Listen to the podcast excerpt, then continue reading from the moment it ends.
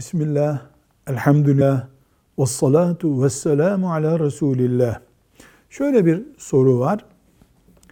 Bilmemek bir özür kabul edilebilir mi?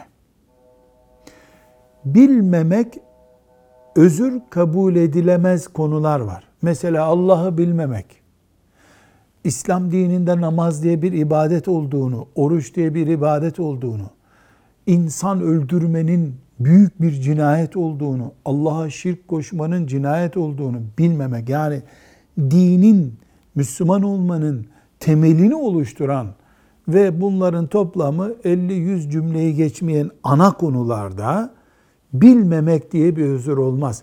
İslam toplumunda doğup da namaz diye bir ibadet olduğunu bilmiyordum ben diye ne dünyada ne ahirette hiç kimse bir özür beyan edemez. Alkolün suç olduğunu, günah olduğunu bilmiyordum. İnsan öldürmenin suç olduğunu bilmiyordum diyemez hiçbir insan.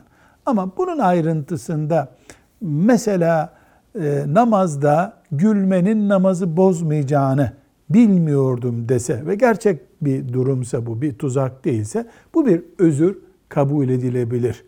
Öğrenmeye devam et denir Müslümana. Velhamdülillahi Rabbil Alemin.